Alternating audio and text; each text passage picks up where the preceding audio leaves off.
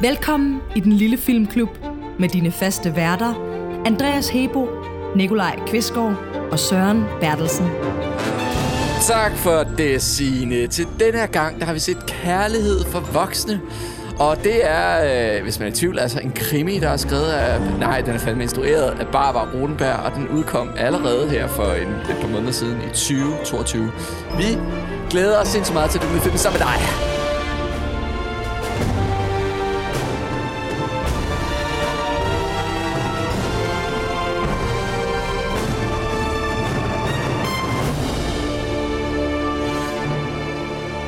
Synes, det lyder lidt som om, du kan Det er jo ikke, det er jo ikke som om, det, det er jo ikke din skyld, at du ikke kan finde ud af dansk, det danske sprog. Og sådan, men Har du set Magnus Højne kan snakke? jeg har hørt ham snakke i hvert fald. Okay, for han kan fandme næsten ikke Jeg engang tror også, du har set dem snakke. finde ud af at at danne en, en sætning. Så må vi se, om Mette Frederiksen kan finde ud af at danne en... Regering. Sådan. Det var sjovt. Det var rigtig sjovt. Nå, Ej, det var dumt. det har vi aldrig gjort før. Er, er det givet en high five? Nej. I hele vores liv. Ikke- Jamen, hele vores venskab har vi aldrig givet en high five. Nej, vi er bare live her på... Eller, det er ikke... Live on tape. On tape. Det er det, det hedder. Hedder det det? Ja, vi optager live on tape den 4. Øh, november kl. 10.29. Ja. Ja. Og alt kan ske, medmindre vi klipper det ud. Yes. Ja, Så ved jeg ikke noget Det gør vi jo ikke. det holder vi vi, ikke. det holder Nej, vi det kan retten du- til at gøre. Ja, vi kan godt klippe noget ud. Ja. Ja. Vi skal nok... Det er lige meget. Øh, hej, hej, hvordan, har, hvordan har I det? Jeg, jeg, har det, jeg har det godt. Jeg er glad for det sidste mandat der. Ja. Det, øh, jeg håber, at det betyder, at, vi, øh, at, at der, det er noget, vi kan gøre noget med. Hvad? Øh, blev, det, blev det blot flertal? Man kan jo, hvis man er i tvivl, så kan man gå ind og læse nyhederne. ja. I stedet for at få det herfra. ja, det Det, gør det, det, det er virkelig sjovt, fordi at, øh, det var jo 87 mandater til rød og 72 til blå. Ja. Og så var der moderaterne og sådan noget. Så, Ja. ja. der, for, på grund af, så er der virkelig, virkelig mange, der har skrevet, øh, øh, hvad hedder det, nyhedssteder, der sådan skriver 90 mandater til rød og 72 til blå. Men der er jo 73 til blå med et nordatlantisk mandat. Ja, synes jeg bare er lidt sjovt. Ja, det er rigtigt. Ja. God, øh, godt fanget. Tak. Det er bare en lommeregner. Det giver 179, så, så ved jeg, at det passer. Hvad, hvad er 72 plus 1? Okay, skal vi ikke lige lægge alt det der svære matematik væk, og så Øh, bare lige komme i... Valgmatematik. Fucking. Altså, jeg har været i biografen siden sidst. Du har været i biografen? Ja, Hvad har du set? øh, jeg har set Halloween Ends. Okay. som er slutningen på sådan, den nye Halloween-trilogi, som fortsætter. Den første af de gamle film. Ja. Øhm, Er det, og jeg lidt, var... er det lidt ligesom Star Wars, det der med, at de laver de gamle først, og så de Nej. nye? Nej. Og så, nej. Nej, det, det, jeg kan ikke huske, der er et ord for det, men det er sådan noget, hvor at, du ved, en, en filmserie, der har haft virkelig mange efterfølgere, så sletter man alle efterfølgerne og prøver at fortsætte etteren igen. Ah, Okay. Øh, og lave en ny efterfølgerrække. Det har de gjort. Og de første to øh, var rigtig gode. Det er den tredje.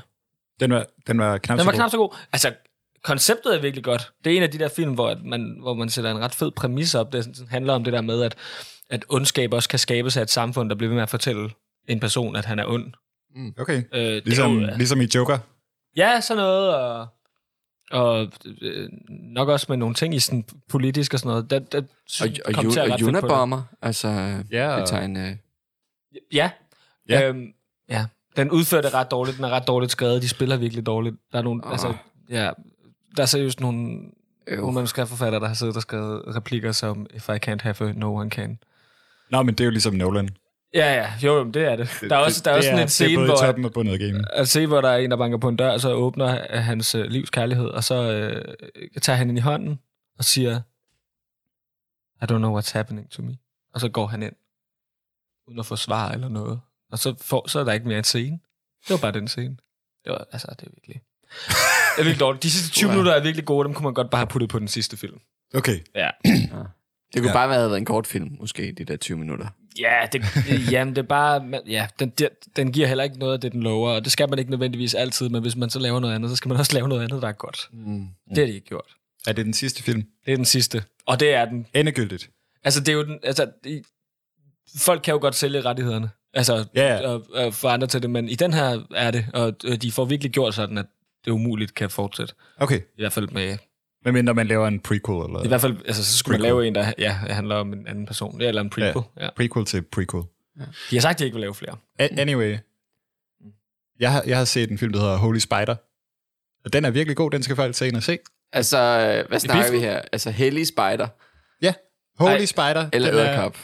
Hellig Æderkop. Okay. Det er den direkte oversættelse. Okay. Det er lavet af en dansk-iransk forfatter, og det handler om, øh, altså, in the spirit of true crime, så er det vist baseret på en øh, ægte morder, der har været i Iran, som har rendt rundt og myrdet nogle sexarbejdere. Øh, og den har en vild, sådan, fed øh, strukturel kritik, og, og, altså sådan, og heller ikke sådan, der er mange film, hvor sexarbejdere bliver slået ihjel, hvor man bare sådan et, nå jamen, de er bare nogle ofre, og de er der kun for, at vi sådan kan have en grund til at have ham. Men her der er der, altså, der er, ja. der er masser af humanisering, og det er rigtig nice, og det er ikke en film, der handler om sexarbejde, men den har en, det er bare ikke så mange film, hvor det er repræsenteret, og her der er den faktisk sådan okay i mine øjne. Hvor kan man se den? Øh, den er i biografen lige nu. Jeg var inde og se den i Vestervog Vestervor. Mr. Vorvor.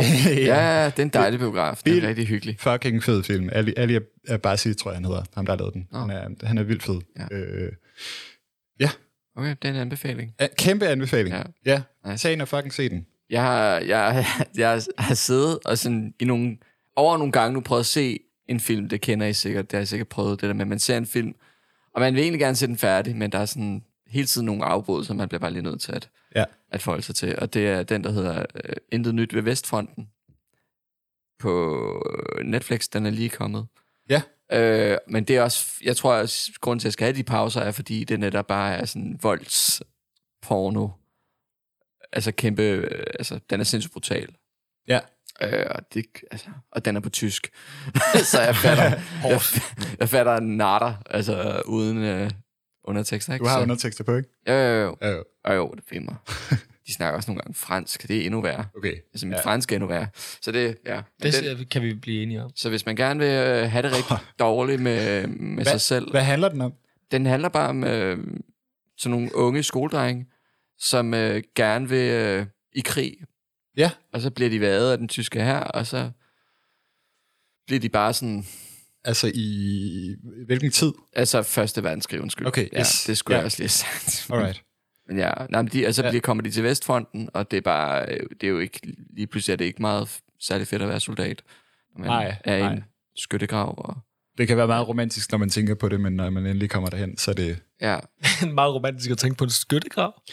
Nej, men jeg tror, Ah. det der med at dø for sit land, og sådan Nå, det er en meget ja. romantisk tanke, og så sådan, når man kommer ud, og så sådan... men, det, men det, er også meget det, det er også meget det, de ligesom blev lukket ind i det med, ikke? I starten, ja. at øh, om I skal jo, I er i den tyske stolthed, og I er den Ja. vigtigste generation nogensinde, fordi I kommer til at sikre, at vi vinder, og vi kommer til at vinde. Ja. Altså, at de, altså, Ja, ja. og det Når man er de der, jo. så er det ikke det, man tænker på. Det gjorde de ikke. Nej, det gjorde de jo så ikke heller, kan Nej, man sige. nej, og det er ikke engang en spoiler, det er jo bare, det er bare en Ej, historie. Tyskland- Spoiler for Tysklands virkeligheden.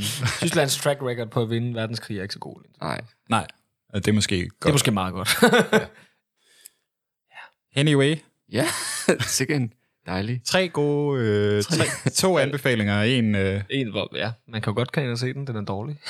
ja, så ved I, hvad Den har en sindssyg åbning, altså som er virkelig ja. god. Der er man virkelig sådan, wow, det bliver godt. Ej, vil du ikke spoil det? Så kan man også lade være med at tage ind og se den. Nej, jeg kan ikke spoil åbningen. Jeg synes, den er for, griner. Okay, ja, fair nok. Jeg vil Vi gerne sige laver en det til jer special episode. Ja, jeg vil gerne... Jeg vil, det kan være sådan... Spo- til sidst, så er det sådan en uh, play-out-ting. Ja. Der siger han den. Nå, nu skal vi snakke Nu skal vi fandme snakke om det, vi er kommet for. kærlighed for voksne, og vi har en gæst, der sidder og venter, så jeg vil ikke Ja. øh, vente alt for længe. Men hvis du for fanden ikke har set filmen, øh, og du kender nogen, der har et Netflix-abonnement, øh, eller hvis du deler det med 26 andre, ligesom alle andre danskere gør, så kan du jo øh, for pokker da lige gå ind og se filmen, og så vende tilbage til os, når du har gjort, for nu er der en spoiler alert.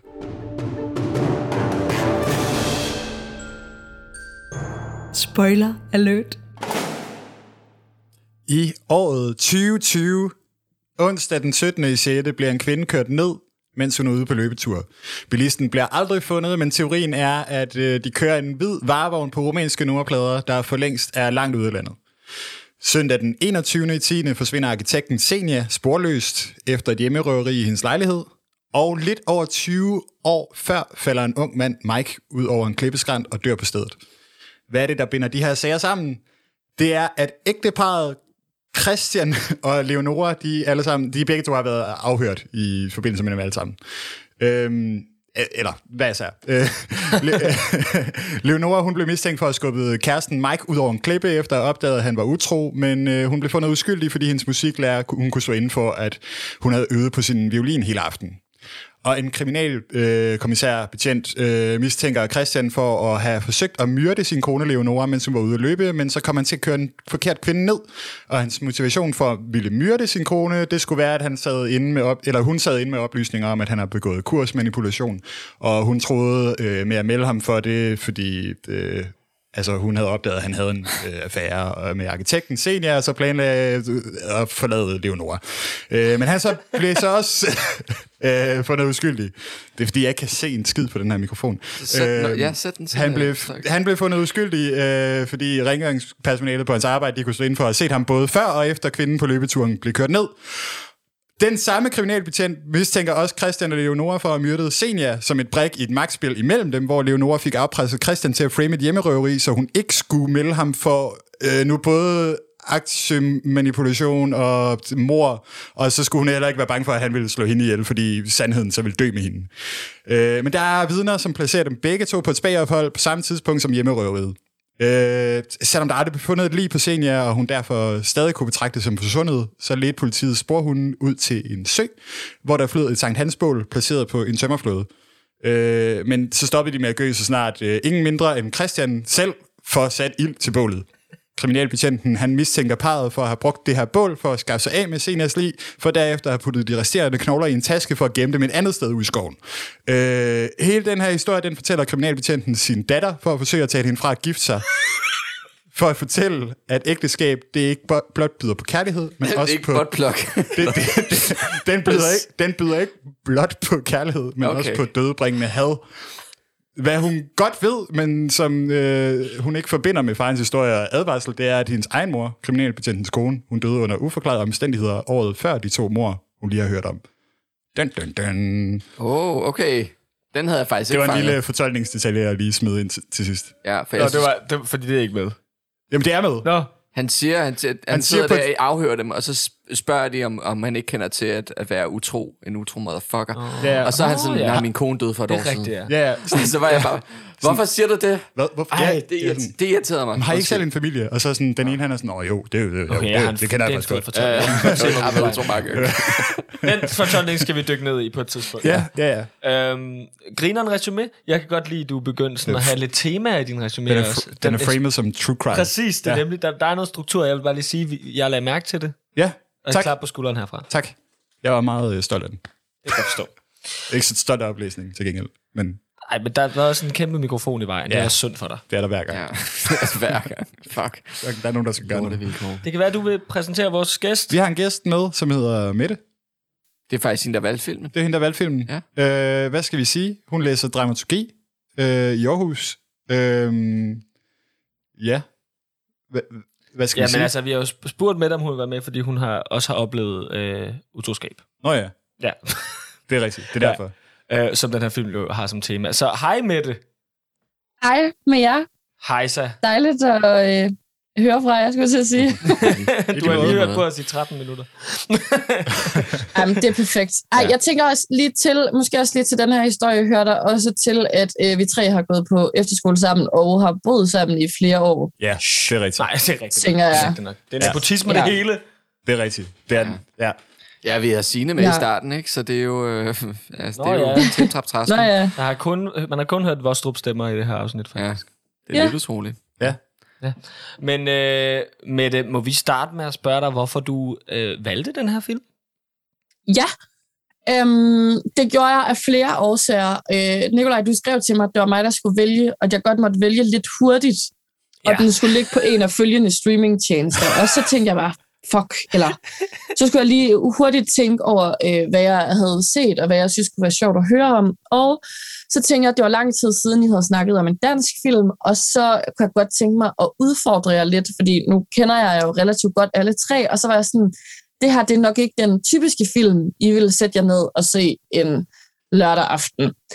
Øhm, og så havde jeg selv set den, og efter jeg havde set den, havde jeg lidt sådan en, what the fuck? Altså, hvad er det lige, jeg har oplevet? Altså, der sker så meget i løbet af, hvad var den, halvanden time. Mm. Øhm, og det fortsætter bare, jeg var sådan, det er lidt en film, man er nødt til at snakke om bagefter. Og så tænker jeg, at øh, det vil jeg godt høre jer tre gøre. Fedt. Og så, og så er jeg bare glad for, at jeg må være med. Det er sjovt, fordi Søren han sagde, inden vi gik i gang, at han troede, at det var grunden til, at du havde valgt den her film. Jeg, var, jeg, var, Ej, er det rigtigt? jeg, jeg er ja. overbevist om, at det får udfordret. Det er meget godt set, 100. Søren. Det er meget godt set. Det var det. Hvad hedder Ja. det med det? Jeg er simpelthen helt nysgerrig, øh, inden vi kommer for langt ind i samtalen. Hvad er din, altså, hvad synes du om filmen? Sådan bare kort og godt. Øhm, jamen, det kommer an på, hvilke briller jeg tager på, for nu fik jeg også lige sagt, at jeg læser dramaturgi til dagligt, og der øh, beskæftiger jeg mig jo rigtig meget med sådan, at dykke ned i ting og Mm. øh, analysere tekster og værker og billeder og alt sådan noget. Og hvis jeg skal have de briller på, øhm, så tror jeg, det bliver en længere forklaring, men jeg tror egentlig, efter jeg havde set det, altså så er det sådan en film, hvor jeg sådan, man trykker play, så sluger man den råt, altså man er klar over filmens præmisser, hele vejen igennem. Der plot twist, det kan vi jo alle sammen godt lide, når vi skal underholdes. Så jeg tror, hvis jeg har sådan underholdningsbrillerne på, og jeg skal øh, bruge halvanden time på at føle mig lidt underholdt, og øh, så er jeg også lidt vild med det der sådan krimi-thriller-univers. Jeg kan godt lide, øh, når man ikke helt ved, hvad der skal ske, og det er sådan lidt uhyggeligt. Så synes jeg faktisk egentlig, at den kan noget. Øh, men hvis jeg tager sådan analysebrillerne på, så synes jeg, at der er rigtig, rigtig mange sådan grene i denne her film, og måske synes jeg ikke helt, de sådan får samlet alle, alle enderne helt op. Mm. Giver det mening? Ja, altså der er rigtig mange Ja. ting, der er uforløste på en eller anden måde, eller, eller bare kommer ind og er sådan lidt, wow, hvorfor skulle vi vide det? Ja, men også fordi den her, den er bare sådan, det er bare overload af informationer og øh, relationer. Der er jo sindssygt mange sådan, relationer med. Så har vi en tankpasser, vi har øh, hvad hedder det, Leonoras veninde, som er med meget, meget kort, men for ligesom at sætte os ind i den her baggrundshistorie, Mm. øh, der er for hende, og sådan, der er sindssygt mange. Så er der hele hans arbejdsplads og hele deres fortid, og sådan, der er sindssygt mange grene og rigtig mange personer, man kun møder meget, meget kort og meget sådan overfladisk, men på en eller anden måde er vi også nødt til det, for ligesom at forstå, hvorfor nogle af de her handlinger udspringer. Og så er der sådan, så er der hele den her rammefortælling med kriminalkommissæren og hans datter, og hvordan han prøver at advare mod kærlighed, og sådan, hvor at, at det, det bliver sgu lidt plat. Eller sådan, det bliver, Ja, det kan godt det føles bliver lidt som rammefortælling, For mig bare for at have en rammefortælling. Hvad? Ja. Ja, altså, det kan godt føles lidt som en rammefortælling, bare for at have en rammefortælling. Måske. Ja, hvor man er sådan, man kunne godt have, øh, jeg vil måske have inkorporeret øh, hele sådan politi-delen på en anden måde. Det bliver meget sådan, øh, det, der- hvad hedder det, deres sådan bottom line, deres, øh, sådan, øh, det de gerne vil sige med filmen, bliver meget udtalt ved hjælp af Michael Birkert, ikke det han hedder, og hans øh, datter der. Mm. Ja. Øh, hvor man er sådan, man må godt holde en serie i hånden, men det der, det er måske lige også at følge dem ind ad døren, eller sådan, Ja, og, Altså- og, og, og faktisk følge dem op i seng og putte dem. Og, så, Ja. og, og på, på hvor sådan lidt, jeg, på sådan, det behøver jeg sådan ser ikke, for man kan godt føle sig sådan lidt dum, Ja, øh, eller sådan, ja. Nå, det, det, så det, mange grunde. Ja, og. Ja. det er sjovt at sige, for vi snakkede lige om det, inden vi startede, at, med, at jeg, altså, jeg følte mig faktisk sindssygt meget talt ned til, at den her Ja. film, hvor jeg var sådan, hvad fanden er det? Hvorfor tror de virkelig ikke, jeg... Altså, det der med bålet, for eksempel. Nej, nu, nu tager jeg bare mit første revsepunkt op her. ja. Men det der med bålet, der hvor... Altså, og alle, er, der er ikke nogen, der tænker, hm, det er da mærkeligt, der står en, en politihund derovre og gør det bål, som ham der er ved at starte. øh, altså, han er, det er som om, han er den eneste, selv hans nabo der er i båden, er sådan, han lugter der, det er lidt mærkeligt. Der lugter af, af fisk eller pindsvin. noget. Pindsvin, Vi ja. har sgu reddet nogle pindsvin med op. Ja, ja, ja.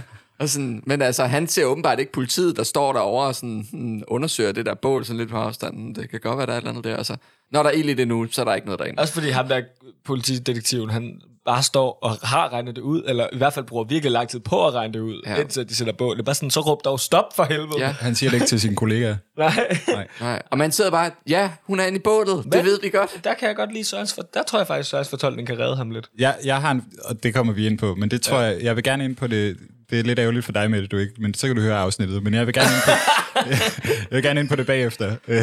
Efter med det. øh, efter, ja, fordi Ja. der er nogle andre ting, jeg gerne vil runde først, måske.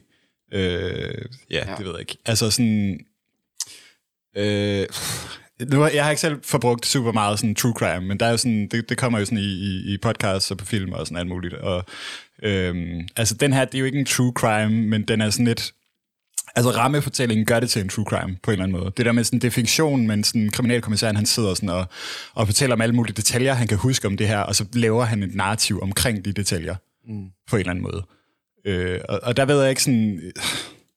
Altså sådan, og der, der er nogle ting, der sådan går igen i true crime sådan, sådan meget ofte, som, som er sådan, altså, har jeg læst mig frem til i et studie fra 2006. Så altså sådan fucking, det, det er jo ikke særlig nutidigt, men, men, men sådan noget med, altså sådan noget med, at, at, at det er meget sådan almindeligt, det der med sådan, at, at øh, de tit sam, true crime og krimi, de samler tit op efter sådan romance slutter. Altså romance, de sådan går op til sådan, øh, hvad hedder det, øh, øh, forholdet, der starter, og så True Crime tager den op, og så sådan får man ligesom vist sådan, familien fra indersiden, og det der med, sådan, der er et eller andet galt, men det er sådan, alt sammen bag lukkede døre, og sådan, det er alt sammen meget tiltalende. Sådan, på en eller anden måde, så der er et helt vildt stort kvindeligt publikum i True Crime og i krimi, øh, og også i romance, men det er ikke det, vi snakker om. Men, men øh, altså sådan, det ved jeg ikke.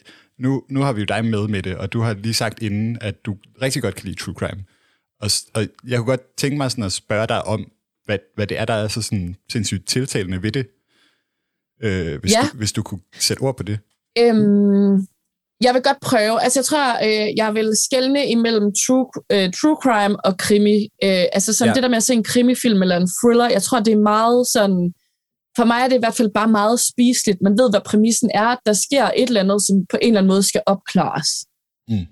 Eller der er nogen, der har noget imod nogle andre, og så skal vi se, hvem øh, af, af de her to grupperinger, der vinder. Eller, øh, og og det er bare meget nemt at se sådan en film, og så bliver man også lidt, måske lidt forskrækket imens, og der er en masse følelser på spil, og jeg tror sådan blandingen af det der med, øh, med det gode og det onde og følelserne, og det der med, kan vi egentlig lure, hvem der har begået drabet, eller hvem der vinder, inden det sker, det tror jeg sådan, det, det tror jeg bare tiltrækker mange, fordi det er et format, man, man ligesom kan øh, forholde sig til. Mm. Øhm, så har vi hele sådan true crime-delen, og jeg vil sige meget af det, jeg har beskæftiget, altså ikke beskæftiget mig med, men meget der, hvor jeg sådan hørte, det er især i podcast og dokumentar, og jeg tror bare sådan, for mig handler det om en fascination af at forstå, eller ikke en fascination af, men mere sådan det der med at forsøge at forstå, hvad er det, der ligesom ligger bag, hvad er det, der gør, at ting kan eskalere, øh, hvad er det for nogle følelser, der bliver sat i spil på en eller anden måde, og forstå sådan, de menneskelige ting i det umenneskelige.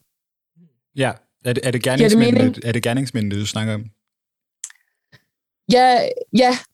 Ja. Øhm, ikke, jeg er ikke sikker på, at man altid kan forstå dem, men jeg tror bare sådan, i sådan en sag er der bare altså så mange sådan faktorer, øhm, og fordi at, at tingene bare kan blive så mega uhyggelige, så er man på en eller anden måde også nødt til at sådan, ikke at man skal kunne forstå det, fordi det, altså det er meget, meget langt fra alle ting, jeg sådan kan forstå, men måske, hvad er det for nogle mekanismer, der går i gang inde i et menneske, Ja, når man gør noget modbydeligt?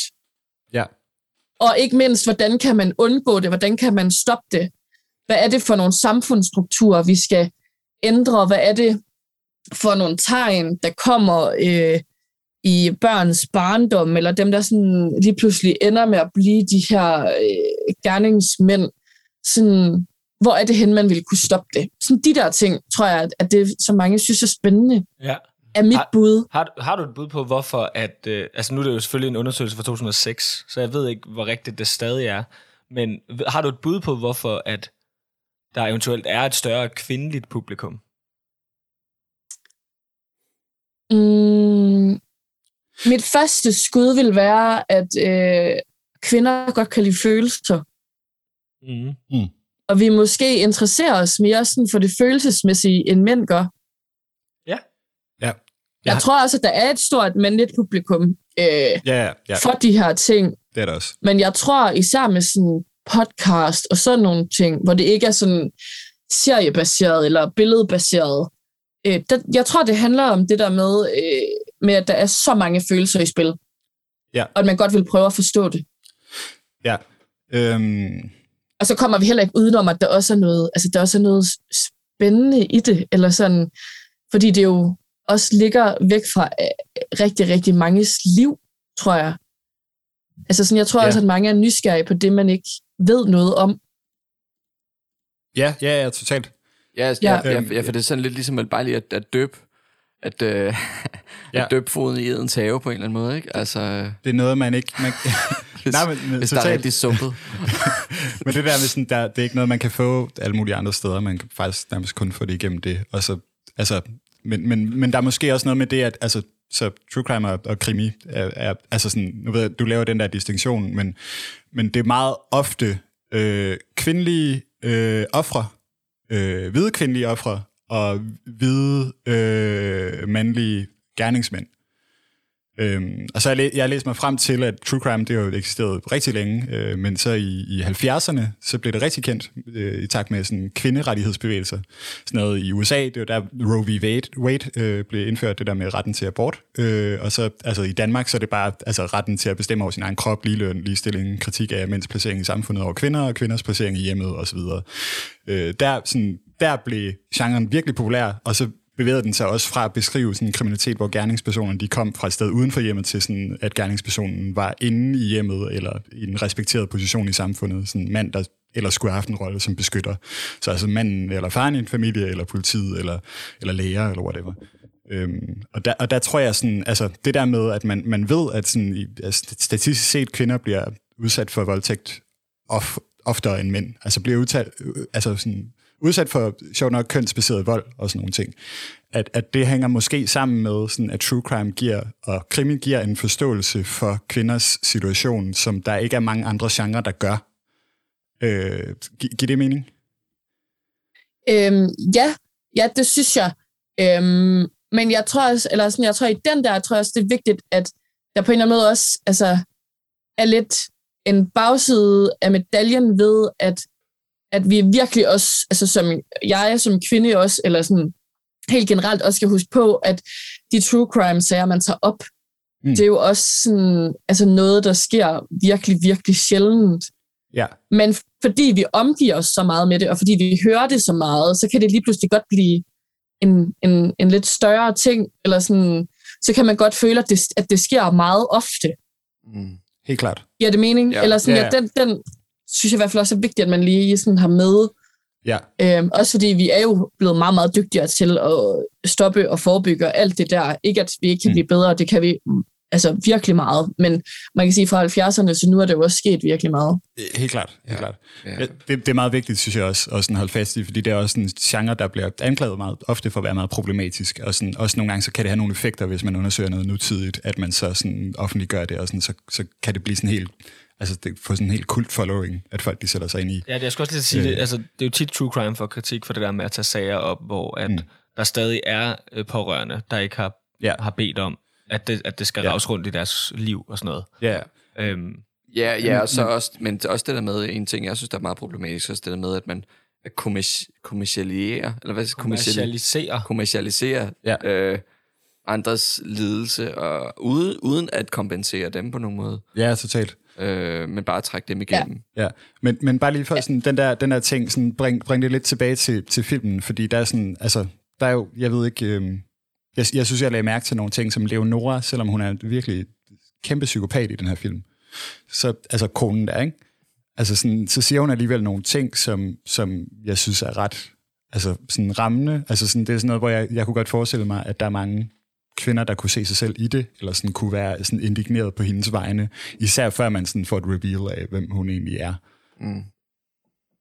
Øhm, det ved jeg ikke, sådan, er, er, det en, er, er, er det også en del af det, der sådan tiltaler det, eller sådan gør det tiltalende, tror du med det? Altså sådan, at, at der nogle gange Øh, også... du skal simpelthen lige stille spørgsmålet igen, for jeg har lidt svært ved lige at høre dig. Ja, Søren. okay, sorry. Jeg taler lidt højere. Men det er jo bare, altså, det er bare det her med sådan, altså den her film, den rejser jo også på en eller anden måde sådan en, altså det er ikke bare det her med, at det er sådan en mandlig gerningsmand, men også bare det, at den ligesom sætter fokus på nogle kønnede problematikker i hjemmet. Det der med sådan, at, at, at Leonora, det kan godt være, hun er sådan sindssygt sådan psykopatisk, men det, bliver først, det går først op for en senere på en eller anden måde. Men i starten, så har hun nogle ret sådan legitime, du ved, bekymringer på en eller anden måde. Det der med sådan, at hun, han, han har lyst til bare at være utro, og så, sådan, så altså sådan, hun skal udføre alt omsorgsarbejde i hjemmet.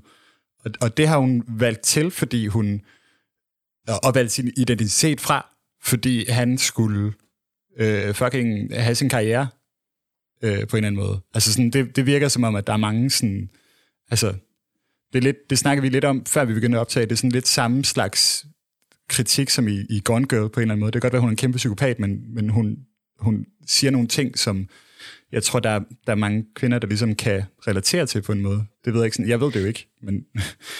Ja, altså hun er i hvert fald, hun er i hvert fald blevet virkelig, virkelig såret, eller mm. det er hun måske ikke lige på det her tidspunkt, men det bliver hun, og hun har jo også sådan færden af, at der er et eller andet på spil. Øhm, og man kan sige, at deres forhold er der bare vildt mange sådan, dynamikker, som ikke fungerer. Altså sådan, altså, øhm, og også det der med, sådan, hvor er det lige, deres dysfunktionelle forhold er startet henne, og måske sådan, gør de også hinanden dysfunktionelle. Måske er det sådan lidt en, altså, du ved, de bliver ved med at krave et hul, eller det, altså, ja. cirklen uden ende, ikke? Ja, Ja, helt klart. Men jeg er lidt spændt på at høre med det, fordi du har jo prøvet, at nogen har været dig utro, som jeg også Ja. startede med at sige. Øhm, kan du sådan genkende de der følelser? Øh, synes du, de bliver vist på, på den rigtige måde? Nu er du også dramaturgistuderende og sådan noget, du, så du ved også noget om, hvordan man ligesom skriver sådan nogle ting, og hvordan man opbygger sådan nogle ting. Synes du, at de har gjort det på den rigtige måde for at vise hendes motivation heri? Øhm, altså først så vil jeg bare lige sige, at jeg har øh, oplevet utroskab, men det er øh, nogle, altså det er år tilbage, og jeg har et meget, meget dejligt øh, parforhold nu. Bare lige for sådan lige at Mm. Ja, claime det. Ja. Øhm, så øh, rent følelsesmæssigt er jeg også et sted, hvor jeg sådan, at det fylder ikke så meget i mig mere. Men jeg kan, altså jeg kan snilt, øh, jeg kan snilt genkende nogle af følelserne. Altså dermed også sagt, at denne her film sætter alting på spidsen. Mm. Altså vi er ude i, de laver kriminelle handlinger, de slår ihjel. Altså sådan, de jo, altså det, det er meget forstørret. Men, men helt i starten, hvor at, at, øhm, at hun for det første har færden af, at der er noget galt. Øhm, jeg kan totalt forestille mig, hvor ondt i maven hun har, og det her med, hvordan skal hun, hvordan skal hun ligesom konfrontere ham, hvordan skal hun øh, afsløre det, altså hun er rimelig sådan upfront, og det, altså, der er hun virkelig bare sådan, lad mig se din telefon. Men hele sådan, den der sådan, færd af, at der er noget galt, det kan jeg så godt genkende, og sådan det der med at have ondt i maven, og da det så ligesom bliver op, opdaget, og øh, at han har været hende utro, så er det jo hele den der følelse af, at tæppet bliver reddet væk under en, og ens verden vælter max. Øhm, på den måde øh, synes jeg egentlig, at de fortæller det meget godt, men at det så ligesom altså, ender ud i, at, at han har begået øh, svindel til deres begges fordels skyld, fordi de skulle redde deres søn, og at øh, hun vil afsløre det, og han så ender med at slå ihjel. Altså, der er noget der, der stikker helt af, som er mere for historien, end det er for sådan at fortælle det følelsesmæssige. Ja. Ja, ja, ja, så det er, mere, det, det er faktisk mere en, en fortælling om, hvordan at tingene løber løbsk, end det er, eller kan løbe løbsk, øh, under de, måske de rette omstændigheder, end det er om utroskab. Ja, det synes jeg. Altså, det er i hvert fald mere en fortælling, øh, der er underholdende, end en fortælling, der ligesom... Altså, man kan sige, at det her med utroskabet er bare ligesom det, der ligesom sætter... Mm. Altså, kickstarter hele historien og sætter det i gang. Øhm, og så er det jo så det, der ligger og, øh, og sådan spiger nedenunder, eller sådan ligesom at, og bobler nedenunder hele historien, når vi har den her teenage-søn, som øh, ikke altså, aner noget som helst, hvilket jeg også synes er sådan altså, han bliver student lige om lidt, og altså, man kan sige, alt er gået galt for hans forældre, men han, han opdager det ikke. Der er også et eller andet der, jeg synes måske, historien kommer lidt nemt hen over. Øhm, men man kan sige, det er ligesom utroskabet, der kickstarter det hele, og de følelser, der udspringer af utroskabet, der jo virkelig sætter tingene, altså tingene i gang. Mm. Ja. Jamen, jeg er meget Øhm. interesseret i, fordi jeg vil, øh, jeg vil nok kritisere den skønne Sonja Victor, som spiller Leonora. Øh, hun er en rigtig, rigtig dygtig skuespiller på, på teater. Og Ja. på film. Hun har lavet flere gode roller på film Ja, også, synes Men jeg. jeg, altså, jeg vil nok kritisere hende for i den her film, og det kan jo lige så godt være instruktionen, som det kan være hende, øh, at spille meget teatralsk og meget... Øh, altså det, øh, jeg kan i hvert fald ikke mærke hende, så jeg var bare interesseret i at høre, om det er fordi, at jeg ikke kender de følelser, hun står i overhovedet. Eller om... Øhm, Ja. Det kan du måske svare på. Mm, jeg kan prøve i hvert fald. Altså, jeg synes, du har en pointe, men jeg tror også, det er fordi, havde hun nu bare været en kvinde, hvis følelser var blevet såret dybt, fordi manden havde været hende utro, øh, så havde historien ligesom været noget andet, men vi kommer ligesom tilbage og finder ud af, at hun har været altså, skingerne psykopat. Øh, Mm. altså også i hendes unge dage, hvor hun også har oplevet øh, en kæreste, der var hende utro. Øhm, og har så skulle bøde. Ej, det er spoiler. Jamen, du, du må spoil alt her i. Folk har set Okay, fedt. først. Ja. Øh, men hun finder ligesom ud af, at hendes ungdomskæreste har været hende utro og skubber ham ud over en klippe, og så dør han. Lige Der forsvandt med det. Mette? Mette. Nej, nej, nej. Hvad skete der? Ja. Uh, 36, 15. Røg forbindelsen til Mette. Inde på Zoom, der kan man stadigvæk se hendes mikrofon. Øh, Snakker hun stadig? Øh, Ja. ja. Åh oh, nej. Så perhaps der er noget med stikket, eller... Der hun ikke er noget. blevet såret før, Åh, Mette, Mette. Mette, og nu oplever Mette, hun Mette, det stop, igen. Stop, stop, stop. Kan Vi har os? simpelthen lige mistet dig i 20 sekunder eller sådan noget. Ja, det er virkelig ærgerligt. Hele din forklaring. Hvis du bare lige vil gentage hele den, du lige har lavet nu. Vi klipper det lige ud. Måske. Ja. Ja. Mistede jeg. Hvad? Hvad? Nu kan jeg høre jer igen. Okay, Ja, ja for du var væk. Nå, okay. okay. Ja, så det kan øhm, være, at du bare lige vil tage hele den igen. Du kom fra noget, med, Øhm. noget med Mike, der blev skubbet ud. Hun Ja. havde en kæreste, hun, hun opdagede var utro, og så skubbede hun ham ud over en klippe. Og det var det. Ja, ja. Så hun skubber ham ud over en klippe, og så, altså, så kommer vi ligesom tilbage til den historie, de fortæller i filmen. Altså, hun har ligesom oplevet det før.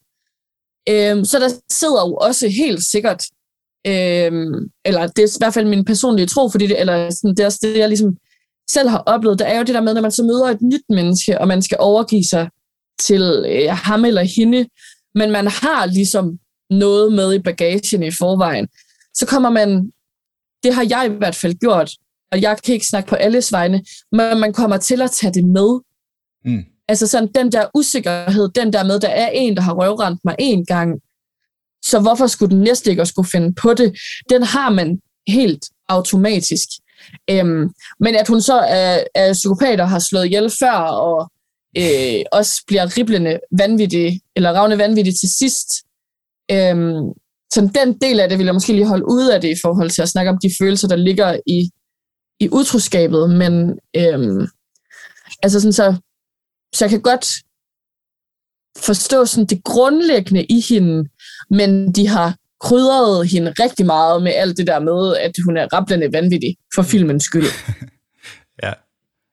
Er, er der nogen... Øh, det er bare nysgerrig øh, i. Sådan, er der nogen... Øh, altså sådan... Når, når man ser sådan nogle film her, er der sådan en retfærdighedssans, der, sådan, der, der bliver sådan pillet lidt ved, eller sådan, eller der, nej, altså sådan, og det er ikke fordi, jeg vil mistænkeliggøre, men det, jeg ved bare sådan, det, det er noget, jeg læser i det der studie, det er noget, som jeg tror, der er mange, der har den tanke, men, men altså sådan, altså sådan, er der, er der en eller anden sådan, nu ved jeg godt, der er jo ikke nogen, der har lyst til, at der er nogen, der skal dø, men jeg ved sådan, når jeg selv ser en film, og der er en eller anden sådan, karakter, der opfører sig helt vildt nederen, og bare hvis det er en anden form for voldsfilm, så synes jeg, det er jo nice, at de bliver straffet, øh, men, men det er jo ikke fordi, jeg sådan vil have, at der er noget, der skete, som det i virkeligheden. Men er der sådan, altså, er, er det noget, du kan genkende i, i den her film, eller film, film som den? Mm. Altså ikke lige sådan Nej. umiddelbart, fordi for mig er det rigtig, rigtig meget fiktion, men ja. jeg sidder der totalt tilbage med sådan en, havde han bare sagt sandheden fra starten af? Ja. Altså sådan, jeg tror, at sandheden kan redde meget. Havde han ikke startet med at lyve om, hvem der havde skrevet til ham om natten, så var det ligesom kommet ud noget hurtigere. Havde han jo bare øh, selv gået til politiet og fortalt øh, det der med regnskaberne, at han har fusket, men han har gjort det på grund af det, han er klar til at tage sin straf. Mm. Altså, havde han, nu lægger jeg også meget sådan sandheden op til øh, op på øh, den mandlige karakter, der er Christian. Ja. Øh, hun har selvfølgelig også nogle skeletter i skabet. Øh, slet ikke noget der. Men sådan, havde han jo bare fortalt det, så kan det godt være, at han havde fået en bøde, eller han var kommet ind og sidde, men så havde hun ikke haft noget på ham. Så kunne han, fordi altså, så kunne han have været sammen med øh, senior der, eller sådan, Ja. så, så der i er der noget i mig, hvor jeg sådan, Åh, for delen, altså hvis man bare havde holdt sig til sandheden. Og det er også noget, det jeg sådan tænker tilbage på sådan i mit eget ungdomsliv. Altså hold kæft, man, hvis man bare, altså, hvis det bare var sandheden, man havde sagt fra starten af, så er der ikke noget at komme efter. Eller, altså, sandheden kan også gøre ondt, men, men en løgn er til trods alt værre. Ja, der, der er meget svigt og bedrag rundt omkring den, den gerning, som sådan, man, man, som ligesom sætter det hele i gang på en eller anden måde. Han er, han er utro, men så, altså, så, så er der bare alt muligt omkring det. Han laver sådan en spin af løgnhistorier og sådan noget, som, som bare graver ham dybere ned på en eller anden måde og gør det hele værre. Præcis, Ja. ja. Mm. Øhm, men ja, altså, jeg, altså som kvinde sidder jeg der også og tænker, okay, det kunne måske have været spændende, hvis man havde vendt øh, rollerne om. Havde det nu været kvinden, der havde været ham utro, eller sådan, man kan sige, de Mm. snakker også meget ned lige i sådan, de stereotypiske kønsroller. Ja. Mm. Øhm, hvor det også kunne have været spændende at se, hvis den havde været omvendt. Også fordi jeg synes egentlig, at både Darcy Lim og Sonja Richter spiller, øh, spiller ret godt op af hinanden. Øhm, så det kunne have været spændende at se, hvordan dynamikken havde set ud, hvis det havde været omvendt. Ja, Ja. fuldstændig enig. Øhm, Det havde været, Eller hvis en de helt havde- anden film, kan man sige. Altså, det, Det havde det. 100. Ja. Ja. men øh, Mette, vi skal simpelthen til at... Øh, jeg skulle til at sige, give afkald på dig. runde af i Ej, hvert det- fald. rundt af. øhm, men det, er- det har været meget, meget øh, lærerigt. Ja. Og dejligt at have dig Ej. med. Det er godt. Det er jeg glad for. Kan I øh, have det virkelig godt? I lige måde. I lige måde. Tak i lige måde. Øh, Ja. Ej, noget, et sidste, et, Ja. ja. sidste point, jeg også Ja. synes er spændende i forhold til den her film. Ja. Øh, nu snakkede vi tre også lige lidt sådan om popkulturen og sådan noget, inden alt det her med mainstream, eller alt det mainstream. Så synes jeg også, det er spændende. I kan jo måske lige vente i tre minutter bagefter, øh, hvad øh, alle de her sådan, nu bruger jeg ordet paratekster, men I ved, øh, anmeldelser og øh, talks og øh, det her mund til mund omkring film, hvad det gør for en film. Fordi jeg havde ikke læst noget godt om den, inden jeg så den. Sådan er det også med til at, Mm. øh, Ja. Ja, ja, ja, det at, faktisk danne- spændende. ja, at ødelægge at danne et indtryk. Ja. Ja, ja, eller ødelægge, men i hvert fald øh, påvirke en film. Det kan I jo lige øh, overveje. Det er klart. Det, synes jeg i hvert fald er vigtigt øh, i forhold til den her film også. Ja, Ja, ja. Det snakker vi lidt videre om. Det, det, tror jeg, ja, det tror jeg, vi kommer til. Ja. Ja. Ej, gør det. Held okay, have det godt, I drenge. lige I måde. lige måde. I lige måde. Hey. Tak fordi du vil være med. Hey. Ja. Ja, det var så lidt, hey, hey. Det synes jeg faktisk var ret spændende lige at spørge om der til sidst. Det er noget, jeg har tænkt meget over. Ja. Øhm, for der er jo mange film, der, øh, der er mange film, som jeg ikke tager ind og ser, hvis anmeldelse, anmelder, hvis der er flere anmeldere, og anmeldere, jeg stoler på, Mm. som, som skriver ting om den, hvor jeg er sådan, det der, det gider jeg ikke bruge mine penge på, for eksempel. ja. Så der kan man jo sige, der påvirker det jo rent, rent økonomisk en film. Skal, vi, skal vi lige tage en runde her? Har I læst noget om den her, før I så den? Nej, jeg Nej. anede ikke, hvad der var. Nej, det har jeg nemlig heller ikke. Og det er måske meget godt, at vi ikke har gjort det, fordi det kunne godt have påvirket. Ja. Ja. Øh, Jeg synes til gengæld, at anmeldere, gode anmeldere, de er gode til at beskrive, hvad og hvem publikummet er for film. Hvis mm. du er en Mm. god anmelder, så kan du godt give nogle, nogle dårlige stjerner, men skrive, og øh, at der er, hvad for nogle ting, der er gode ved den. Og hvis man så læser anmeldelserne og ser, at det er nogle af de ting, man bedst kan lide ved en film og sådan noget, Mm. så kan man stadig godt have lyst til at tage ind og se den.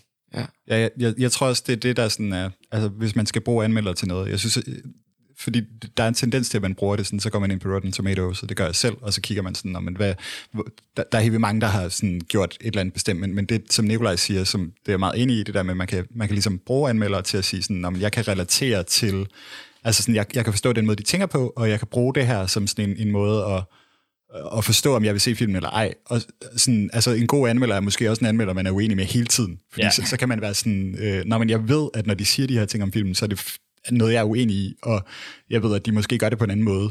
Øh, mm. Eller jeg synes, det lyder fedt, at de gør det her. Men der, jeg synes også, man er nødt til at skille mellem anmelder og, og almindelig. På Rotten Tomatoes kan du som almindelig menneske gå ind og lave en anmeldelse. Der, der er en skældning inde på Rotten Tomatoes. Øh, hvad? Der er en, der er en skældning inde på Rotten Tomatoes Okay. mellem øh, an, anmelder-reviews og øh, bruger-reviews. Ja. Fordi der er ikke noget, jeg er mere træt af end sådan nogle IMDb-reviews, hvor at man ikke Ja, skriver noget progressivt, hvor man bare sådan, eller noget konstruktivt, hvor Ja. man bare skriver, det er noget lort, fordi det er lort. Ja. Og så er man Ja. sådan lidt, Ja, ja. okay, men du, Og det var en skidegod anmeldelse. det er Det er derfor, faktisk- du ikke Det er ikke en anmelder. anmeldelse, det der. Nej. Altså, du, hvis du giver noget et stjerner, så skal du også kunne stå på mål for, hvorfor det Altså, hvorfor Ja, det kun skal have én stjerne. Og hvis du giver noget seks stjerner, skal du kunne stå på mål for det. Hvis du giver noget tre, så pludselig du ikke stå for så meget mål for noget. Men, øhm, men ja, det synes jeg i hvert fald er vigtigt. For der er Jeg mange, giver der går tre ud. stjerner til alt, så har jeg ikke noget ansvar. Præcis, det er rigtig Ja. smart. Så har jeg hverken sagt noget godt om, men jeg har heller ikke sagt noget dårligt om. Nej. Men ja, det er en god præmis at snakke om den her film ud fra, at vi selvfølgelig ikke har læst nogen anmeldelser endnu. Man kan sige, Men, men, men jeg vil lige sige, inden jeg så den, der havde jeg jo faktisk hørt i krone, at, denne, at folk synes, ja, den har fået lidt kritik. Filmen har fået kritik. ja, jeg, jeg kan huske, at det må vi ikke gøre, men jeg snakkede med Andreas om den før. Og så sagde, og så sagde jeg, øh, film, filmen har fået dårlige anmeldelser, men fordi det, så læste jeg den, jeg læste anmeldelsen bagefter. Men bø, bogen, som den er baseret på, har fået rigtig gode anmeldelser. Det kunne jeg godt forestille mig, for jeg kan godt, ja. jeg kan godt mærke på den her film, at det er en bog. Og jeg Ja. kan godt mærke, at der er brugt alle de ting, der bliver brugt i bogen nærmest, fordi der er rigtig mange ting. For eksempel det der med alle de der lange plottråde, som Mette snakkede om. ja. Alle de forskellige relationer og sådan noget. Det fungerer rigtig godt i en bog, fordi at du har, en, du har meget mere plads til at forklare det på. Du har meget mere... Nu har jeg ikke læst den, men det er det, jeg forestiller mig. Altså, jeg, altså, du kan uddybe de der relationer meget, meget mere. Mm. Øhm, og en bog går langsommere, fordi du læser øh, undervejs, så derfor er der ligesom også længere mellem de der store reveals, hvor her kan man godt bare mærke, at det er, sådan, det er alt det spændende, der er taget ud af bogen. Der er ikke nogen af de der sådan, rigtige sådan, opbyggende Ja. ting. Det er bare en masse, mm. ja, ja, præcis. Og ved I hvad? Det, øh, nu, nu snakker vi om det, før vi startede optagelsen, så det har folk ikke hørt, men øh, det er jo så, den skal vi lige have med, fordi det er jo en, der hedder Anna, Anna Ekberg, Anna Ekberg, og, og, og det er, det, der har skrevet bogen. det, det kunne godt lyde som en kvinde, men, det er det ikke. men det er faktisk, der er faktisk to mænd, der gemmer sig bag det navn. Og de hedder Anders Rønnow Klarlund og Jakob øh, Weinreich. De skriver under et pseudonym. Præcis, og det er jo så faktisk dem, der står som manuskriptforfatter på filmen. Og, men jeg vil så måske spørge jer om, tror I det er en ulempe, at det er to altså forfattere, der skriver bøger? Jeg ved ikke, hvor mange film de faktisk har i deres katalog øh, skrevet før, men, men, men er det ikke er det ikke en... Fordi det har jeg aldrig set før, tror jeg. Det er sjældent, jeg ser det, at to forfattere, der har skrevet en bog, også dem, der skriver manuskriptet til filmen. Ja, jeg, De, de kan ikke, de kan, de kan ikke jeg altså- tror, at den ene han har erfaring som manuskriptforfatter, men jeg Ja. har ikke lige sådan sat mig super meget ind i, hvilke film det er. Sådan, det er også, men, ja. Nej. men det er ikke nogen kendte film. Nej, Øh, nej men, og- og, og man kan snakke om, at at de, de, de har også et indgående kendskab til historien. Ja, At, at de vil jo, og fordi det er film, film handler om at gå på kompromis og, og kill your darlings. Ja. ja. Fordi du skal også fortælle en, en historie, der giver mening inden for en, altså, en tidsramme. Der, altså, ja. medmindre du laver en, en, en fucking seks sæsoners serie. Øhm, altså, så kan du kan bedre, du komme afsted med så kan man masse. bedre fortælle en hel bog, hvis det er. ja. Øhm, Ja. Ja. Men jeg, jeg, for at svare på dit spørgsmål, så tror jeg, at, at det er en ulempe, fordi at der er immer væk ret stor forskel på et, en bog og et manuskript, hvis man nogensinde har læst et manuskript. Mm. altså sådan, det er ikke det er ikke det samme. Du kan ikke skrive din øh, karakter, hvad hedder det, karakteres følelser ned, uden at øh, der vil være en skuespiller, der er sådan, øh, lad mig lige selv øh, være, altså finde ud af det, tak. Ja. Øh, altså, du, kan ikke, altså, du kan bare ikke gå lige så meget i dybden på den der måde. Du skal være meget mere sådan... Der skal også være noget for instruktører og skuespillere at fortolke, og en bog, der kan du godt tillade dig at lave fortolkningen som forfatter. Så man, så man kan sige, der kan faktisk være en, en chance, fordi jeg har haft en ret klar, ret klar idé om, hvordan hele produktet skulle ligesom se ud, og Ja. bare sådan påduttet. Det var også det, jeg mente lidt med, med Sonja Richters performance. Der er bare, der er bare noget, hvor, at det, altså det, hvor det virker ekstremt teatralsk for mig, at hun lige pludselig sådan rejser sig op og råber, mens hendes arme sådan, øh, går ned til siden og sådan, øh, får al energien ud, hvor det er sådan noget, det her, den her replik, den måde, du snakker på, den er meget uvirkelig. Og ja. På en scene vil det lyde fucking godt. Ja, altså, der er så så mange, ud, hvor ja. det er sådan, jeg ved godt, du har været mig utro. Eller sådan et eller andet, hvor det, er sådan, hvor det siges højt, og hvor det er et eller andet, jeg kan ikke engang gengive det, vel, men hvor det er meget sådan noget. Jeg har tænkt virkelig tit, på en scene havde det her fungeret så godt, fordi der er bare nogle andre præmisser på en scene. Du skal, folk er med på, at du skal råbe højt. Folk er med på, at du skal snakke meget, meget tydeligt, fordi at de skal kunne høre dig. Øh, Ja. og, og på et teater er man, øh, går man også med på en præmis om, at det ikke er totalt naturalistisk, fordi det er jo folk, der står på en scene, men altså en film er jo et, altså det, et forsøg på at lave noget så naturalistisk som muligt, ofte i hvert fald. Øhm, Så, så, så, så der er det okay, at man ikke kan høre alt, hvad de siger. Det er okay, at de snakker normalt. Altså sådan der, føler jeg ikke, at nogen Mm, ja. snakker. Også bare deres normale samtaler. Altså, jeg synes også, hende, der spiller scenen, er frygtelig. Uh, hun er så heller ikke skuespiller, fandt jeg ud af. Uh, Nå, hun er model. Nå Øh, jo. Ah, Så hun, jeg tror, altså, Jamen, ærligt... er hun ikke arkitekt? Nej, hun er, Nå. hun er model. øh, ærligt, jeg ved det ikke. Nej, det er Jeg simpelthen... kunne forestille mig, hun er med, fordi hun, er, Hun er smuk. er pæn og smuk. Øh, Ja. Ja. Og hun er sikkert også et rigtig dejligt menneske. Skuespil synes jeg ikke, hun kan finde ud af.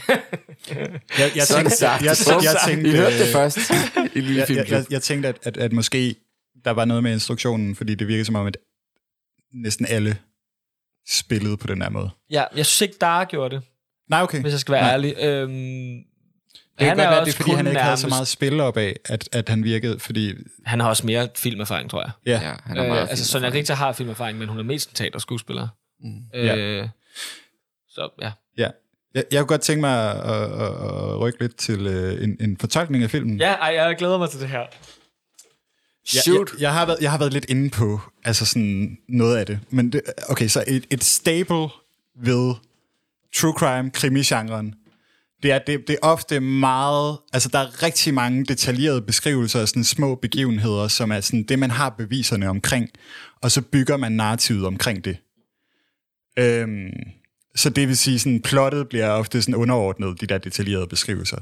Her i, der er der meget plot, men, men det, det er ligesom jeg synes, jeg håber og, og tror måske også lidt på, at, sådan, at det er det, at, at bogen har gjort, at det har været meget, meget tydeligt, at det har været fra kriminalkommissærens perspektiv. Fordi det synes jeg ikke er super tydeligt her. Der er en gang imellem, det kommer ind. Men, men det er sådan det der med... Øhm, altså, så er der sådan nogle fucking scener, som sådan... Altså, okay, jeg, det her, det synes jeg er fucking sjovt. Men, men altså sådan, så der øh, Christian kører, kører hende der kvinden over øh, i, i den, den røde ja- regnjakke. Og så, øh, så er hun ikke død. og, og sådan fra mit hoved, når, når man fortæller det fra, øh, fra kriminalkommissærens perspektiv, så er det jo sådan, vi understreger lige, at han er, det er ikke bare fordi sådan et moment, doubt, moment of doubt, det, det er det der med, altså sådan, han er også villig til at bakke hen over hende, når han kan se, at hun, hun ikke er sådan helt død, og han er sådan, "Nej, han skal virkelig forklare, hvor fucking psykopatisk Christian er. Ja. Så dagen efter, li- lige bagefter, så kommer han i problemer i sådan et forklaringsproblem, fordi der er ikke nogen retsmediciner eller noget som helst, som siger sådan, at man kan se på den her krop, at den er blevet kørt ned to gange. altså sådan, du ved, lige bagefter, så har han et forklaringsproblem, fordi sådan, der er ingen, altså sådan politiet selv, de opererer med den der teori om, at det er bare en flugtbilist. Det er, bare, det er bare en, der kommer til at køre den her kvinde ned, og så, altså, altså sådan, du ved, læs det som et plothul, hvis du vil, men det kan også være, at du skal læse det som, som, som om det er sådan fra en kriminalkommissærs perspektiv, og han er bare overbevist om det her. Han er villig til at bøje alle detaljer, så det passer med hans historie. Ja. Og det er sådan noget, det kan forklare så fucking mange ting. Fordi så er der sådan en, der er en anden scene, hvor øh, Dara, eller Christian står og skærer limes til drinks til den der studenterfest. Og så putter han ned i sådan et stort glas. Og så siger de studerende farvel. og så går der er ikke nogen, der får den der drink. Og sådan... og, og, og, og det er jo sådan, det er fucking lige meget, det kan ske for alle. Men, men jeg, jeg, jeg, jeg hører det som om, at, at, at kriminalkommissæren der, der ikke har noget navn, at han fortæller historien, og så er han sådan, se en fucking beta, han.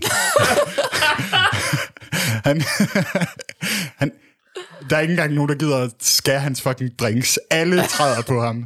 Fuck, hvor er han nederen og, og det er sådan, du ved, det er sådan nogle ting, hvor jeg sådan, altså det giver så meget mening lige pludselig. Øhm, så er der sådan noget, øhm, altså men, men, men det der med sådan, også, også lige en sidste ting, som er sådan, det der med konen, hun køber et vaskekort på et tidspunkt til sin bil. Så hun gør en rigtig stor ting ud af, at det koster 100 kroner for det der kort, når en vask den koster 79. Ja. Så er der kun 21 kroner tilbage på kortet efter en vask, og hvis man øh, så tanker det op igen og vasker, så vil det være 42 kroner.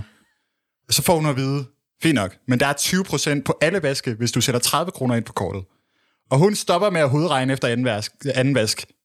Det synes jeg er fucking dumt, fordi hun vælger, hun vælger lige efter, hun har udregnet at, at købe for de der 200 kroner, men hun, altså, hvis hun køber for 300 kroner, så kan hun få fire vaske ud, og så har hun stadigvæk 47,2 kroner tilbage på kortet. øh, og, og, og, og, og, det ved jeg ikke sådan, hvorfor gør hun så besværet til kun at regne op til 200 kroner, og ikke op til 300 kroner? Ja. Øh, og, For hun og er det, tydeligvis rigtig god til at regne meget hurtigt. Ja, ja, ja, og, sådan, og hvad...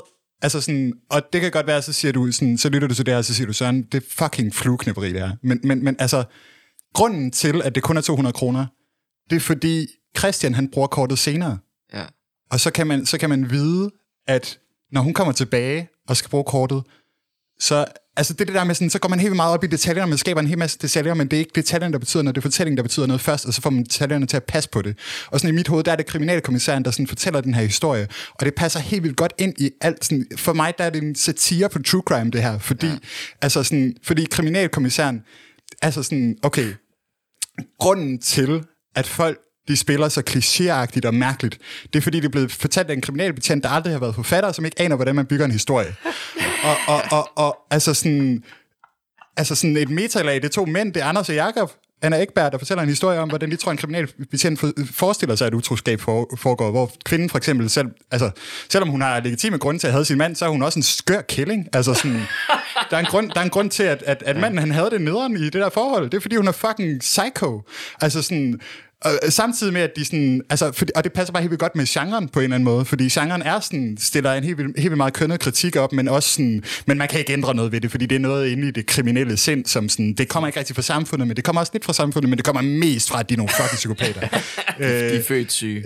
ja, ja, altså sådan det der med... Altså Christian, han har en helt vildt høj position i samfundet, men det er på bekostning af, at Leonora, hun må udføre alt muligt omsorgsarbejde i hjemmet, og det snakker vi lige om. Altså sådan, mm. Og det er jo noget, som passer helt vildt godt ind i sådan samfund. Der er sådan en studie, det er noget, man kalder børnestraffen. Øh, eller det er sådan, oh, ja. øh, det er studie fra 2018, hvis folk vil gå ind og læse det, det hedder Children and Gender Inequality Evidence from Denmark. Og det, den siger sådan, at øh, i, første barn i en familie mellem mor og far, så falder lønnen, lønnen for kvinden umiddelbart 30 procent i året efter. Øh, og det, det gør den, fordi hun tager det meste af barslen.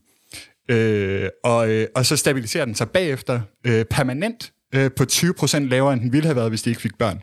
Og, og mandens løn er upåvirket stort set igennem det hele. Lige det første år, så falder han en lille smule, fordi han, han tager en lille smule bare sådan, men ellers så er den upåvirket. Og der er sådan en, der er sådan en, det er jo det, der sker i den her film. Hun giver afkald på alt, hvad hun er, øh, sin karriere, men også sin identitet på en eller anden måde. Og så sådan, er der en helt vildt legitim sådan, grund til at være fucking sur på Christian, fordi Christian og hende, de havde en fucking aftale. Og hvis, hvis han ikke overholder den, så har hun mistet alt øh, på ja. rigtig mange måder. Og så, sådan, så er der Senja, der er sådan en contempt for Senja. Hun er en fucking homewrecker. Hun synes, det er fucking fedt at kigge øh, konen i, altså, i fucking øjnene, mens hun knipper med hendes mand. Øh, og, og, så er der sådan, altså, så, og så er der lidt til kvinden der, så er der lidt til manden, den mandlige ser også, at sådan, Leonora, hun var bare en fucking crazy bitch fra starten af, og hun kunne manipulere Christian så hårdt, at øh, hun får ham til at være så stor en tøffelhed, at han går med til at myrde sin kæreste. Mm-hmm. Altså sådan, du ved, mm-hmm. altså sådan, og, og jeg synes bare, det, fordi det, det er jo det, der fucking er sådan, i mine øjne, det, ideologien er rigtig meget true crime, som er sådan her. Det, det er, at sådan, kærlighed gør ondt. Og de siger det bare højt. Og de siger det bare som sådan en... Fordi det er, altså sådan, det er ikke en true crime film, men det er en film, som fortæller om en mand, der fortæller om true crime. Øh, og, og, og der er jeg sådan... Det her, det er en, hvis det er rigtigt, så er det en vild god satire på en eller anden måde. Det er faktisk, det er faktisk to mænd, der fortæller om en mand, ja. der fortæller om true crime. Ja, ja, og det er jo sjovt, at de, har, de laver et kvindeligt navn, fordi sådan, altså, måske er det for at lokke flere kvindelige øh, hvad hedder, øh, læsere til, eller øh, seere, eller whatever, når man ser, der står Anna Ekberg i stedet for, der står Anders og Jakob. Altså ja. sådan, øh, men, men, men ja, yeah, I don't know. Tror du så, at kriminalkommissær Dyden, han har slået sin egen kone ihjel? Øh, jeg, jeg synes, der er et hint til det. Ja. jeg synes, der er et hint til det, men, men det, det er Fordi, ikke ret... Altså, hvis man ser det på det der med, at han virkelig regner nogle ret vanvittige ting ud, ud fra ingenting, så kan det jo ja. være, fordi han selv har lidt erfaring. Ja, ja. Ja, ja, altså det er sådan... Både som betjent, han har selv også hvorfor, opklaret ting før, også men også fordi han, han selv har gjort det. Også hvorfor han tydeligt står der ved vandet og har regnet den ud, og alligevel er sådan, okay, jeg giver ham den. Jeg forstår ham faktisk godt. Ja, altså, ja, ja. syv tror jeg, hver mand stjæler. Og, og, og han, han er så... Altså sådan, grund til, at de ser skyldige ud, når man ser den her film, det er fordi, det er set fra hans øjne. Og, og altså sådan, han fortæller den her historie til sin datter, og hans kone, hans kone er, er, er død øh, året før det her sker, og, og han fortæller en historie til sin datter om, at hun aldrig nogensinde kan vide sig sikker i et parforhold. øh, inden hun skal og, giftes. Og, og hvis, og, ja, inden hun skal giftes, han er sådan, du skal ikke gå derind, du ved ikke, hvad der venter på dig. Og det er totalt fucking, altså sådan, der er lige en romance-film, der er sluttet der for hende datteren der, den får vi ikke at se, og så starter der en true crime-film, øh, for hende potentielt, som han vil advare hende om. Og han vil advare hende om, om det, fordi han ser true crime i alt. Ja. Fordi han selv har været en, en true crime gerningsmand, og fordi mm. han selv har kigget på alle de her fucking, ja, yeah, I don't know. Der tror jeg godt, vi konstaterer, at han bliver en frygtelig svigerfar. Øh, han kommer til konstant at være sådan, hvorfor, hvorfor siger du det? Hvorfor gør du det? Hvad, hvad fanden? Ja, hvad, ja. No. Hvorfor siger du ja på den måde, kirken? Ja. det er meget sådan... Ja. Men, men Det, pa- det passer ikke helt med, med virkeligheden. ej, det, det er da mærkeligt, du... Det tror jeg ikke, du mener. Det er ja. Hvorfor må jeg ikke læse dine beskeder hele tiden? Hvor, altså, Ja, hvad fanden jeg er din svigerfar. For helvede. Hvor skal du hen? Jeg skal på arbejde. Nå, Nå, okay. okay. Du har simpelthen fået et arbejde. Du har simpelthen fået et arbejde. Hvad hedder hun? Nå, apropos, vi Apropos. skal til at runde af. Ja, det er rigtigt. Øh, Jeg synes, det var en god afslutning, så. Fedt. Nice. Ja, det var godt lige at komme ind på det, det, det, var det, er, vigtigt at få med. det, det er den måde, jeg kunne få historien til at give mening for, for mig selv på. Ja, og ja, den kan jeg godt købe, men jeg tror ikke, det er meningen. Jeg tror ikke, det tror jeg ikke er meningen. Måske det er mening i bogen. Ja, det kan godt Det vil jeg gerne... Øh... Nej, fordi, nej, for hvis det var meningen i bogen, så var det også meningen i filmen. Det er jo de samme, Øh, der er Ja, men jeg har bare hørt, at bogen, at, at den har fået, jeg har jo ikke læst bogen, men jeg har læst en anmeldelse af bogen, hvor der er nogen, der siger, at det er genialt, at det er fortalt fra kriminal, kriminalkommissærens perspektiv, fordi det gør helt vildt meget for historien. Hvor det gør ikke en skid for historien i den her.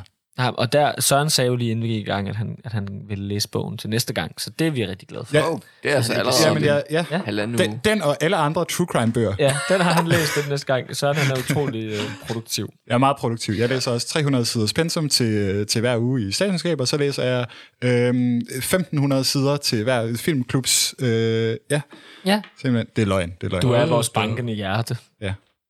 Hjerne. Nå, altså, må vi lige få en fucking skiller? eller Ja, for helvede. Ah, skiller. Skiller. Fordi- Nej, de skal jo ikke Ej, skilles. ej, vent lige. Vent, lige. det er fordi, Nej, du må ikke sige mere. jeg fik, jeg fik sådan en... Jeg skrev til en veninde, som hader true crime. Jeg spurgte sådan, kan du godt lide true crime? Og så var hun sådan, nej, det kan jeg ikke. Og så var jeg sådan, men jeg vil gerne prøve at lære at forstå det. Og så, så, så var hun sådan, må jeg, må jeg læse det op? Det, Ja, det er lidt okay. sjovt. Jeg spurgte hende, om jeg må bruge det, og så sådan skrev hun, tagligt sagt, men jeg tror, det er, fordi folk er dumme, og jeg tror, at det, der gør dem øh, true crime spændende, og, eller det tror jeg, at det, det, der gør dem spændende og intelligente, og de fan, det er, at de fantaserer om at fange bad guys selv, så de vil gerne forstå de onde mennesker, og bla bla bla. Sådan fritidskriminologer, øh, lystkriminologer, for det handler jo ikke om offrene. Øh, Ja. ja. Ja, Så- det er jo faktisk... Så hun skrevet sådan, ingen prik, prik, prik, mig, hehe, folk er dumme. jeg synes bare var fucking sjovt, og jeg ville gerne have det med. Ja. Men øh, ja, Den Det var også sjovt. meget Lidt god højrøget, Ja. måske. lidt, lidt højrøget. Ja, men, ja, Øh, men hvis, hvis, hvis hun ikke kan lide true crime, så er det jo også... Altså, Ja, ja. så skal man jo også have en grund til det. Altså, hun kan jo ikke være Ja, anmelder ja. uden at have en... Nej. Åh oh, nej, jeg, altså, og jeg hvis tror, ens at sådan, grund er, at folk er dumme, så ved jeg, så skal jo, man jo, men, kigge lidt ind men der er jo rigtig, jo, men, nej, men, jo, men, men helt, der er jo rigtig meget det der med, altså det er jo sådan, man kritiserer ting nu om dagen. Der. Hvis folk synes, det, det er nice, altså nogle ting, der er nederen, som folk synes er nice, så er det fordi, de er dumme. Ja, ja, men det er jo Øh, også et problem. men det er også- ja, ja problem. det er et problem, men det er et hun, hun, hun var ude at cykle, mens hun skrev den der besked, og hun, og hun skrev i slutningen, man skal ikke fucking text and drive, men altså sådan, men bare lige, så, så ved I det. Jeg forestiller mig heller ikke, hun og så det døde hun lige det bag. Det gjorde hun ikke, det gjorde hun ikke. Det gjorde hun ikke. Øh, Ej, men anyway, anyway, Wow. Kunne vi lige gå Anyway, videre? Ja, lad os komme videre, skiller, ja. der kan skille Yes. Søren ad. ja. Skiller, skiller. Tager lige, skal vi have en mere? Ja, lige en sidste. Ja. Vi skal se en uh, film til næste gang. Vi skal langt tilbage i tiden, længere tilbage, end vi nogensinde har været før. Uh, det er øh, lytter, som hedder Magic TH3. Mm. Ja. Har ønsket en Ingmar Bergman-film. Wow. What? Hvad? Tilbage i 1982. Er det det syvende sejl? Den hedder Fanny og Alexander. Jeg kender den ikke. Den ligger på filmstriben. Fanny Den Alexander. er fra 1982, hvis der er... Han skrev 1982, så jeg ved ikke, om det er fordi, at der findes mere end en. Så, men det er den fra 1982 i hvert fald, Hvad hvis der er mere end en. Fanny og Alexander. Okay. Vi kommer også til at skrive det, Søren. Okay? Så øh, ja, vi skal Spændende. se en Ja. uh, oldie, oldie but. Ej, hvor er det fedt. Ja, det bliver Det spændende. glæder jeg mig til. Vi har aldrig været tilbage i 82. Har vi det?